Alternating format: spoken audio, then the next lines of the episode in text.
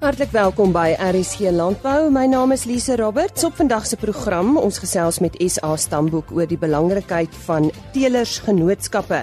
Dan gesels Henny Maas ook met Dr Michael Bradfield oor 'n Wagyu geleentheid wat onlangs by die JSE plaasgevind het. Ons praat ook met Dr Dirk Strydom van Graan SA oor die pas afgelope Graan SA Kongres. Eers dan die woord vir oggend Henny Maas. Ons uh, gesels met Dr Michael Bradfield en as ons met hom praat dan gaan dit oor die Wagyu, die Wagyu beesras. Nou uh die uh ras uh, is besig om met rasseskrede in Suid-Afrika te groei. En uh, Michael, jy het uh, onlangs 'n geleentheid gehad by die JSE. Vertel ons daarvan. Ja, en baie dankie en uh, goeiemôre aan die luisteraars. Ehm um, ek dink uh dis uh eerste kyk uh, wagyu is nie normale uh, beesras nie nie. Ons is ehm um, vir ons gaan dit uh, 100% oor die produk, oor die vleis. Ehm um, die bees is 'n uh, meganisme om daai vleis te produseer. Die JSE het ons genader. Soos jy weet, ehm um, het hulle uh Safex aan die gang gesit. Uh weet in die mielieprys word nog steeds bepaal deur Safex het net sy naam nou verander en dis meer en ehm um, hulle het met die vleis probeer, maar dit het nie gewerk nie. Die boere op die rooi vleisbedryf kon nie lekker inkoop in uh woorde soos derivatives en so aan nie. En uh toe uh Dr. Rafael het my toe gekontak en gesê, jy weet, hoe kan ons dalk um, saamwerk? En ehm um, na 'n paar vergaderings het ons besluit ehm um, hierdie is 'n baie goeie forum vir ons om Wagyu in aan die in die hele Sandton area, jy weet 'n ryk area van van Johannesburg uh, bekend te stel en om met die uh, JSE begin uh, saam te werk om vleis in die JSE as 'n produk te begin aan laat dink en te kyk na investerings uh, moontlikhede vir die JSE uh wat ons noem die commodity traders, um die mense wat handel dryf met vleis en dies meer. Die um eerste lesing uh wat ons gehad het was uh gewees deur uh Brian ons stigterslid Hy het gepraat oor die uh, die hoekom Suid-Afrika moet uh, beweeg na uh, weg van kommoditeitsvleis, jy weet goedkoop vleis na uh, vleis wat ongelooflik smaaklik en lekker is en natuurlik 'n premie gaan um, en uh, reg deur die waardeketting vir almal 'n uh, premie kan maak. So Brian het daai lesing gegee.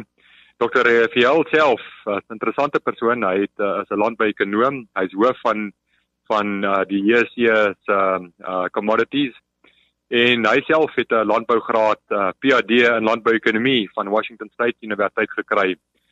En hy het gepraat um presies dit wat ek nou verduidelik het, uh die feit dat um ons moet uh kan vleis verhandel op 'n platform en die en en iets soos die JSE is baie toeganklik uh daarvoor. Maar dit gaan meer as net dit, dit gaan oor om die produk bekend te stel aan uh die middestad van Johannesburg as ook en die JSE te gebruik daarvoor.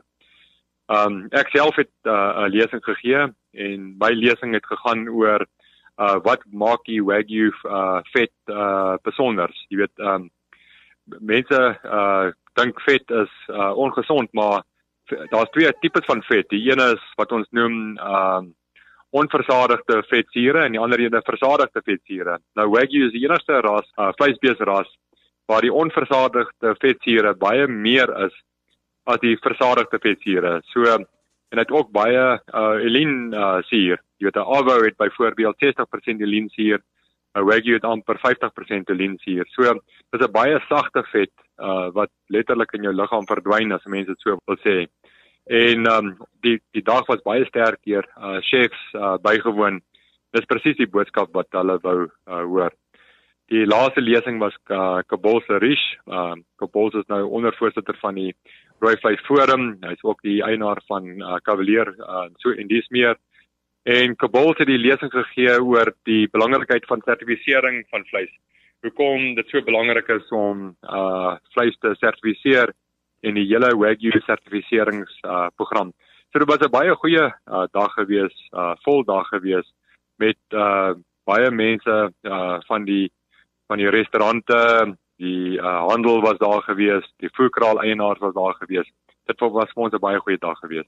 Ons is ons is bly om dit te hoor. Dit was aan Dr. Michael Bradfield wat gesels het oor uh, Wagyu en die JSE. Dis nou tyd vir ons uh, weeklikse vleispryse aangebied deur Chris Derksen. Dit is vleispryse wat behaal is by veilinge in die Noord-Vrystaat en die datum van hierdie veilinge was Dinsdag 19 Maart. Chris? Goeiemôre. Ek gee graag vir julle die verslag van Dinsdag die 19de Maart. Die volgende groot probleme is aan die gang. Die Namibië is geweldig droog en daar kom vee daarvandaan in wat mense amper noodpryse verwag vir hulle beeste. Dan tweedens is die aanvraag maar baie swak lokaal en derdens is uitvoere van baie van die beeste nog beperk. So ek gee vir julle die presiese pryse speenkalvers het gaan vir R30.62 vir die wat onder 200 kg is. Dan van 200 tot 250 kg R29.78 en oor 250 kg R27.04. A-klasse R23.12. B-klasse R19.84. C-klasse R18.71 en markkoeie R16.10 tot R17.90. Slagbulle R22.09. Vanaf die skaapmark waar die pryse regtig 'n bietjie opgekom het van laasweek, is stoorlammers R35.94, slaglammers R31.83, stoorskape R25.90 en vetskape R26.70 per kilogram. En van die bokmark lammetjies R35.12 en ooe R27.01 per kilogram. Dit is altyd indien ons enige verdere hulp kan gee, skakel maar enige tyd na 08280 75961. Baie dankie. Dit was dan Chris Derksen met ons vleispryse en indien jy weer daarna wil gaan kyk, is die webtuiste www.vleisprys.co.za. Een van die groot geleenthede op die landboukalender is Graan SA se kongres wat uh, so 'n tydjie gelede daar op Nampo Park naby Botawil plaasgevind het. En uh, hier word aktuelle kwessies in die graanbedryf jaarliks onder die vergrootglas geplaas en ons gesels nou met Dr Dirk Strydom daaroor. Dirk, ja, vertel eers vir ons, uh, wat is die eintlike doel van Graan SA se kongres? Nou Lisa, ek dink die die die doel van Graan SA se kongres is eerstens om terugvoer te kan gee oor ons werksaamhede, hoe ons fondse bestuur het, hoe ons die organisasie bestuur het en wat ons oor die jaar bereik het. En dan die tweede gedeelte is is om van ons produsente af die nuwe mandate te kry om te sê waarop ons moet fokus en ook om weer 'n nuwe strategiese rigtings te kry in terme van wat belangrik is die jaar om om te behaal vir die organisasie en vir die produsente. So dis 'n plek waar die produsente kom om vir ons te kom sê dis wat ons verwag as produsente, dis waartoe ons wil gaan met dit. Ehm um, en ek dink dis 'n dis dis op die einde van die dag die platform wat daarvoor gebruik word. So Kongres bly die hoogste gesag in, in Graan SA en dis gee hulle vir ons die leiding. Ehm um, natuurlik vloei dit natuurlik uit die streeksvergaderings uit. So die streeksvergadering sê wat se wat se ehm um, belangrike knelpunte moet bespreek word en hulle gee aanduiding wat moet bespreek word en hulle stuur ook die afgevaardigdes om te sê dis die mense wat moet gaan. So wie was die sprekers by vanjaar se kongres? Ja, so die jaar by die by die kongres het ons so 'n bietjie minder sprekers gehad juis om om so 'n bietjie meer van die produsente af te kan hoor en meer insette van hulle af te kan kry. So die sprekers die jaar was um, Malcolm Ferguson wat vir ons so 'n bietjie 'n uh, 'n makro-ekonomiese en politieke omgewing terugblik gegee het en om te sê wat hy verwag in die toekoms kan kan verder vorentoe gebeur. En dan het ons vir Werner Rousseau gehad van een van die handelsmaatskappye wat vir ons bietjie gesê het oor hoe lyk die mark wat kan ons verwag binne in die mark? En dan het hy so 'n paar ehm um, belangrike wenke gegee in term van verskansing en hoe ou moet kyk en veral in die huidige omstandighede wat ons ons verkeer die laaste paar jare hoe ou daarna moet kyk. Die die laaste sprekers was was aan die einde van van die kongres gewees wat so 'n bietjie van 'n motiveringssprekers was en dit is twee veldwagters wat wat veral gekom gesels het oor verhoudinge en hoe belangrik verhoudinge is. Klink interessant. Nou ek jy het vroeër gepraat van uh julle wou meer tyd gegee het dat uh julle met mekaar kon gesels. So wat is van die belangrikste gesprekke wat by die kongres plaasgevind het? Ja, as, as ek teruggaan na die na die kongres toe is die die belangrikste deel wat nog steeds uitkom het, is is die volhoubaarheid en die winsgewendheid van die bedryf. Dit het duidelik uitgekom dat dat die winsgewendheid is is regtig in in in op die stadium in 'n in 'n baie moeilike spasie en laat ons moet gaan kyk wat is die verskillende goed wat wat ons kan help daarmee.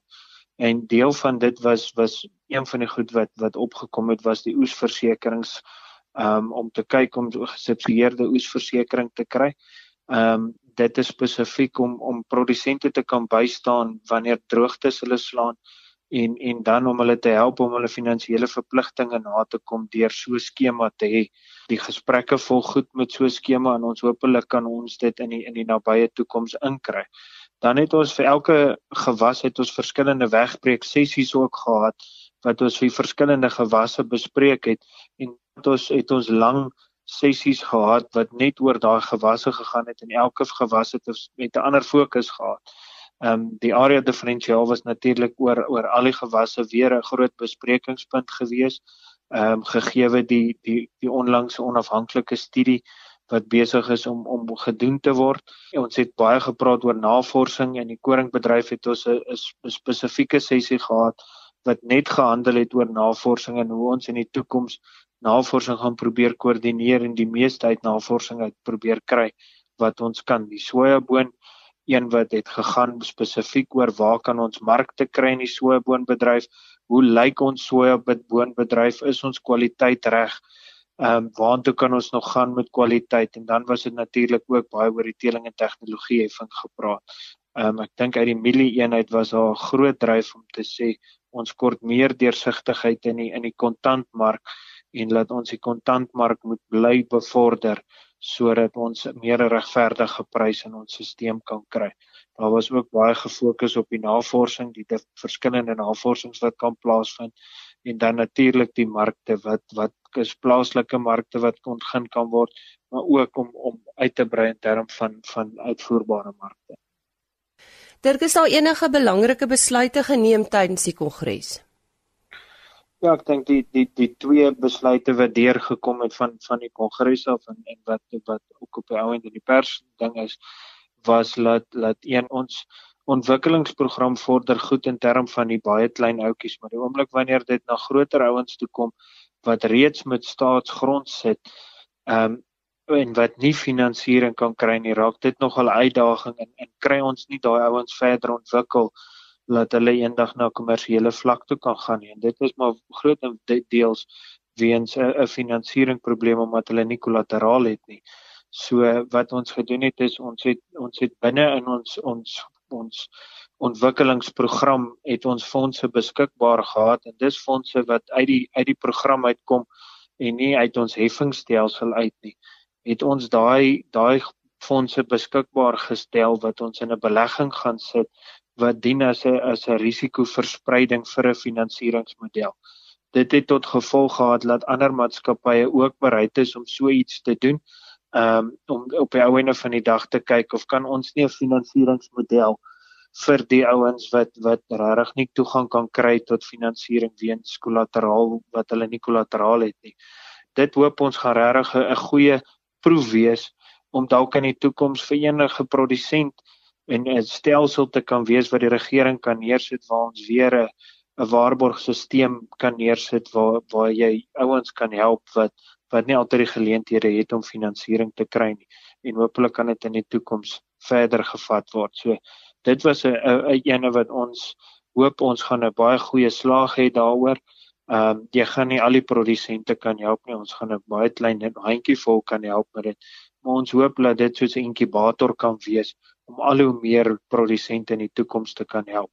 Die die groot ding natuurlik is jy kan dit net regkry as iemand winsgewend is.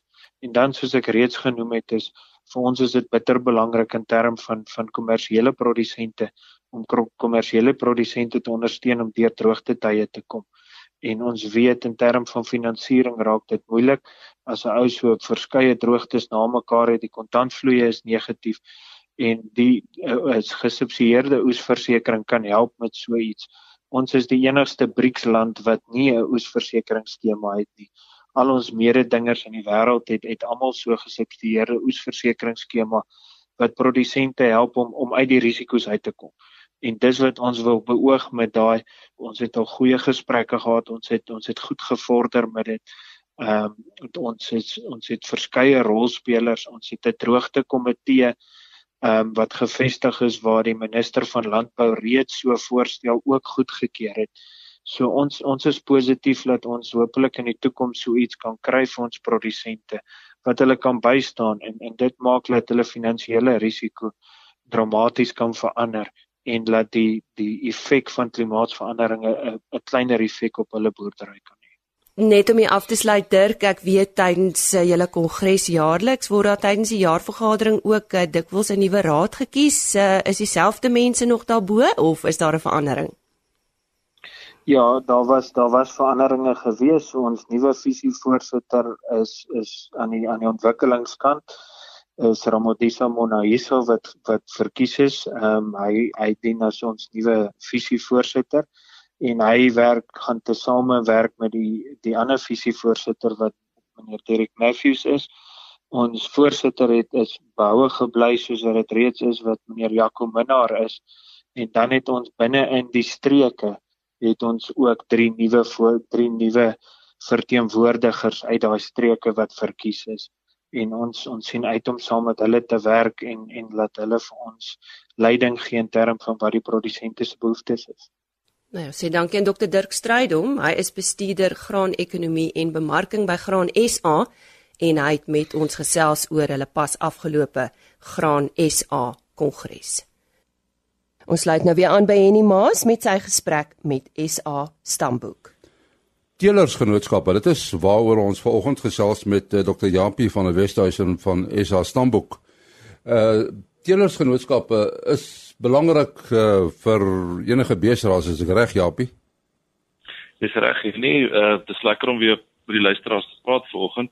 Ehm um, daar's daar's 'n klompie aspekte ek dink wat belangrik is. Die een is uh daar's 'n ek wil amper sê 'n wetlike aspek. Uh Suid-Afrika het 'n diereverbeteringswet wat uh, bepaal uh ek wil amper sê die reëls, die spelreëls bepaal rondom die die daarstel van teelersgenootskappe. So ehm um, dis die dis die eerste belangrike aspek. So daar's daar's uh die die diereverbeteringswet en sy regulasies sê uh waaraan moet 'n teelersgenootskap voldoen. Uh, in die eerste plek word 'n ras afgekondig en dan as daar genoeg teelers is van 'n ras dan kan hulle 'n genootskap stig. Ons weet nou van die genootskappe is al oor die 100 jaar oud in Suid-Afrika en dan sal spelreëls kan ek maar sê uh binne waar waar binne dit uh moet plaasvind. Nou die belangrike aspek natuurlik vir 'n teelersgenootskap is dat die teelersgenootskap is dan ek wil amper sê verantwoordelik vir die voortbestaan of die toekoms van daai betrokke ras waarvan hulle dan die teelersgenootskap is. En uh, dit beteken ook dat hulle moet standaarde daarstel. Uh noem dit dan maar as jy, wat jy wil, maar sê net maar minimum rasstandaarde waaraan daai uh, ras moet voldoen. Ten einde daai ras te kan registreer of 'n dier te kan registreer van so 'n ras. Uh minimum vereistes kan uh, baie forme aanneem. Dit kan nou uh die fisiese voorkoms van die dier wees met ander woorde hy moet vry wees van sekere erflike gebreke of hy moet sekere kleurpatrone hê of wat ook al die geval mag wees soos wat die uh betrokke teelersgenootskap dit uh goed dink. Uh maar ook dan baie keer prestasie vereistes met ander woorde reproduksieprestasie uh hoe gereeld moet uh, 'n koei kalf of 'n ooi lam uh ten einde uh deeltip kan bly van daai betrokke ras of 'n uh, uh, registrasiestatus kan behou. Uh in die laaste paar jare uh, is daar ook strenger miskien of uh, addisionele inligting wat gebruik moet word in terme van bladteelwaardes ensovoorts. So ehm um, ek wil amper sê dis die dis die uh dis die roer of wat ook al van 'n boot uh wat gaan bepaal in watter rigting daai daai ras gaan vaar. Uh in die toekoms en die die genootskap hou eintlik daai leiersels vas uh um, natuurlik die hoogste gesag by 'n getelersgenootskap is sy algemene jaarvergadering en nie noodwendig 'n raad nie die raad moet nou maar die stuurwerk doen in uh die res van die jaar. Ehm uh, maar die maar die uh die grondwet en die en die sogenaamde bywette wat in die grondwet is bepaal in watter rigting so ras gaan. Uh en dit varieer natuurlik geweldig tussen uh rasse en telersgenootskappe. Uh party teelersgenootskappe is baie strenger rondom uh produksienorme en reproduksienorme as ander. uh en party het uh voorsien daarvoor dat dat alle diere moet uh daar moet sekere prestasiemaatstawwe gemeet word op alle diere uh ten einde minimum standaarde te kan toepas ander is is, is nie so streng nie uh en dit varieer. Party rasse is ook uh, ek wil amper sê universele of wêreldrasse. So daar kom ook semen uh uh strootjies in van ander rasse uh, van ander lande af uh en dan maak dit nogal uh beteken jy kyk aan hierdie kant om om minimum standaarde daar te stel om te sê nou maar op grond van ons eie maatstawwe hier in Suid-Afrika waaraan moet 'n bil byvoorbeeld voldoen in terme van sy prestasie voordat ons sal toelaat om sy nageslag uh, in Suid-Afrika te registreer.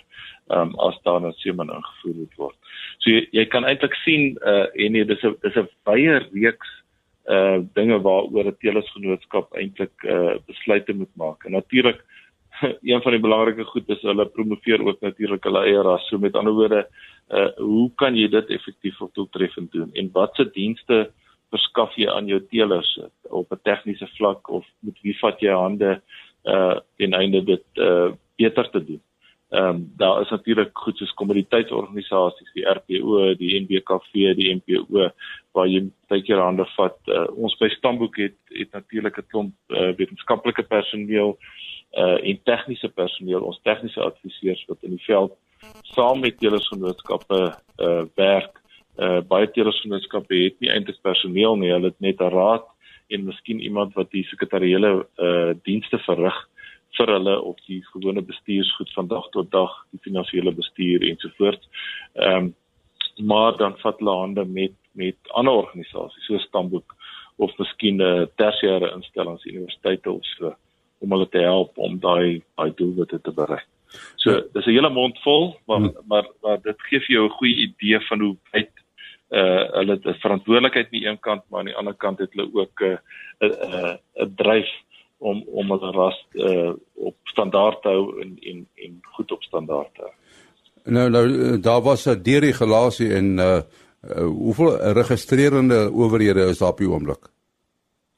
uh, ja, en nie uh, die wet maak voorsiening nie net vir uh, telersgenootskappe nie en reëls rondom dit nie, maar die wet maak ook voorsiening vir sogenaamde geregistreerde owerheid, owerhede. Met ander woorde, uh, wie mag 'n sertifikaat uitreik om te sê hierdie is 'n geregistreerde dier of nie. So die die wet het het bepaalde ehm uh, voorwaardes en uh die die die een sinnetjie in die wet uh, sê dit kan 'n uh, uh, geregistreerde owerheid kan 'n genootskap of 'n groep genootskappe wees. Uh nou stamboek is natuurlik 'n groep genootskappe want uh, ons het uh, ons is hier oor die 60 telersgenootskappe wat lid is van stamboek. Uh so ons is by verre die grootste uh, geregistreerde owerheid. Maar daar is ook ander geregistreerde owerhede.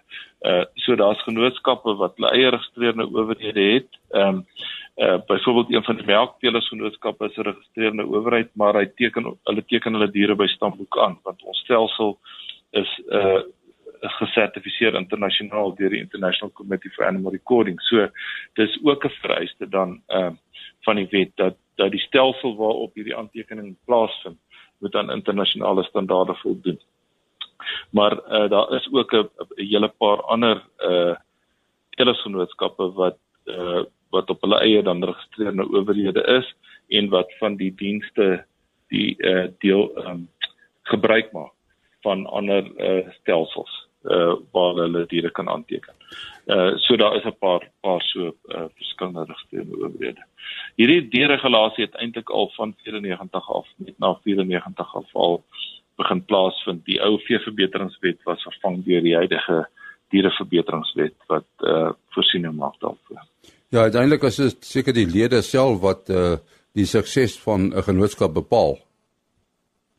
Ja, die dinamiek binne 'n genootskap is verskriklik belangrik en en ek dink dit is uh jy, man kan ook mense kon amper gesê uh, jy kon 'n free for all gehad het soos sê nou maar 'n land soos die FSA wat as jy vir hierdie genootskap 'n bietjie kwaad is dan teken jy jou diere by die volgende een aan. In Suid-Afrika kan jy dit nie doen nie. Uh So jy moet jy jy's deel uh, soos hulle in Engels sê part and parcel van die genootskap van jou en uh en ons ek sien ons wat nou by Stamboek wat met baie genootskappe werk kom agter dat die dinamiek uh, kan baie verskil en en ehm um, dis belangrik dat voel ek dat die dat uh, die lede in 'n genootskap moet fokus op die dinge wat belangrik is. Met ander woorde, die diere in die eerste plek en dan eintlik sorg om aan daai te werk aan gemeenskaplike doel uh binne in die, binne in die genootskap. Dis natuurlik 'n moeilike ding, né? Dis amper soos volstasie eienaars, jy weet, wat dieselfde tipe petrol of diesel verkoop. Die dieselfde handelsnaam. Uh in die een in die een kant is jy eintlik bietjie kompetisie met die ou, jy wil hê die die die die uh ouens wat hulle karre daar by jou inry en daar volmaak met diesel of petrol en nie met jou uh soortgelyke handelsnaam ou wat 4 of 5 blokke van is. Maar aan die ander kant wil jy hê dat die dat die ouens moet meer diesel en petrol gebruik en hulle met jou handelsnaam gebruik. So ek dink dis dis in 'n sekere mate dieselfde binne telersgenootskappe. Met ander woorde, individuele telers dink tog 'n bietjie meer met mekaar binne dieselfde ras, maar jy wil hê dat dat dat die kopers, die kommersiële kopers moet jou rasse se bulle ramme koop. Uh so so jy moet jy moet eers daai jy moet oor daai bruggie kom soos baie mense sou sê uh om om om te sê maar ek moet saamwerk ek moet hande vat met my medetelers en ek moet sorg dat die doelwitte wat ons vir onsself stel om beter diere te selekteer ehm um, tot voordeel sal wees van hierdie kommersiële kopers sodat hulle ook eintlik winsgewend met hulle hulle beeste of hulle skape of varke of wat ook al die geval mag wees ehm um, kan kan boer. Ja, ons hartlike dank aan Dr. Japie van der Westhuizen van SA Stamboek wat uh, gesels het oor die belangrikheid van teelersgenootskappe. Dankie Henny en fluit fluit ons storie is uit vir hierdie week. Onthou indien enige van ons onderhoude of uh, programme misgeloop het, besoek gerus www.rsg.co.za vir die potgooi van die program of u kan die volgende webtuiste raadpleeg. Daar word onderhoude ook geplaas.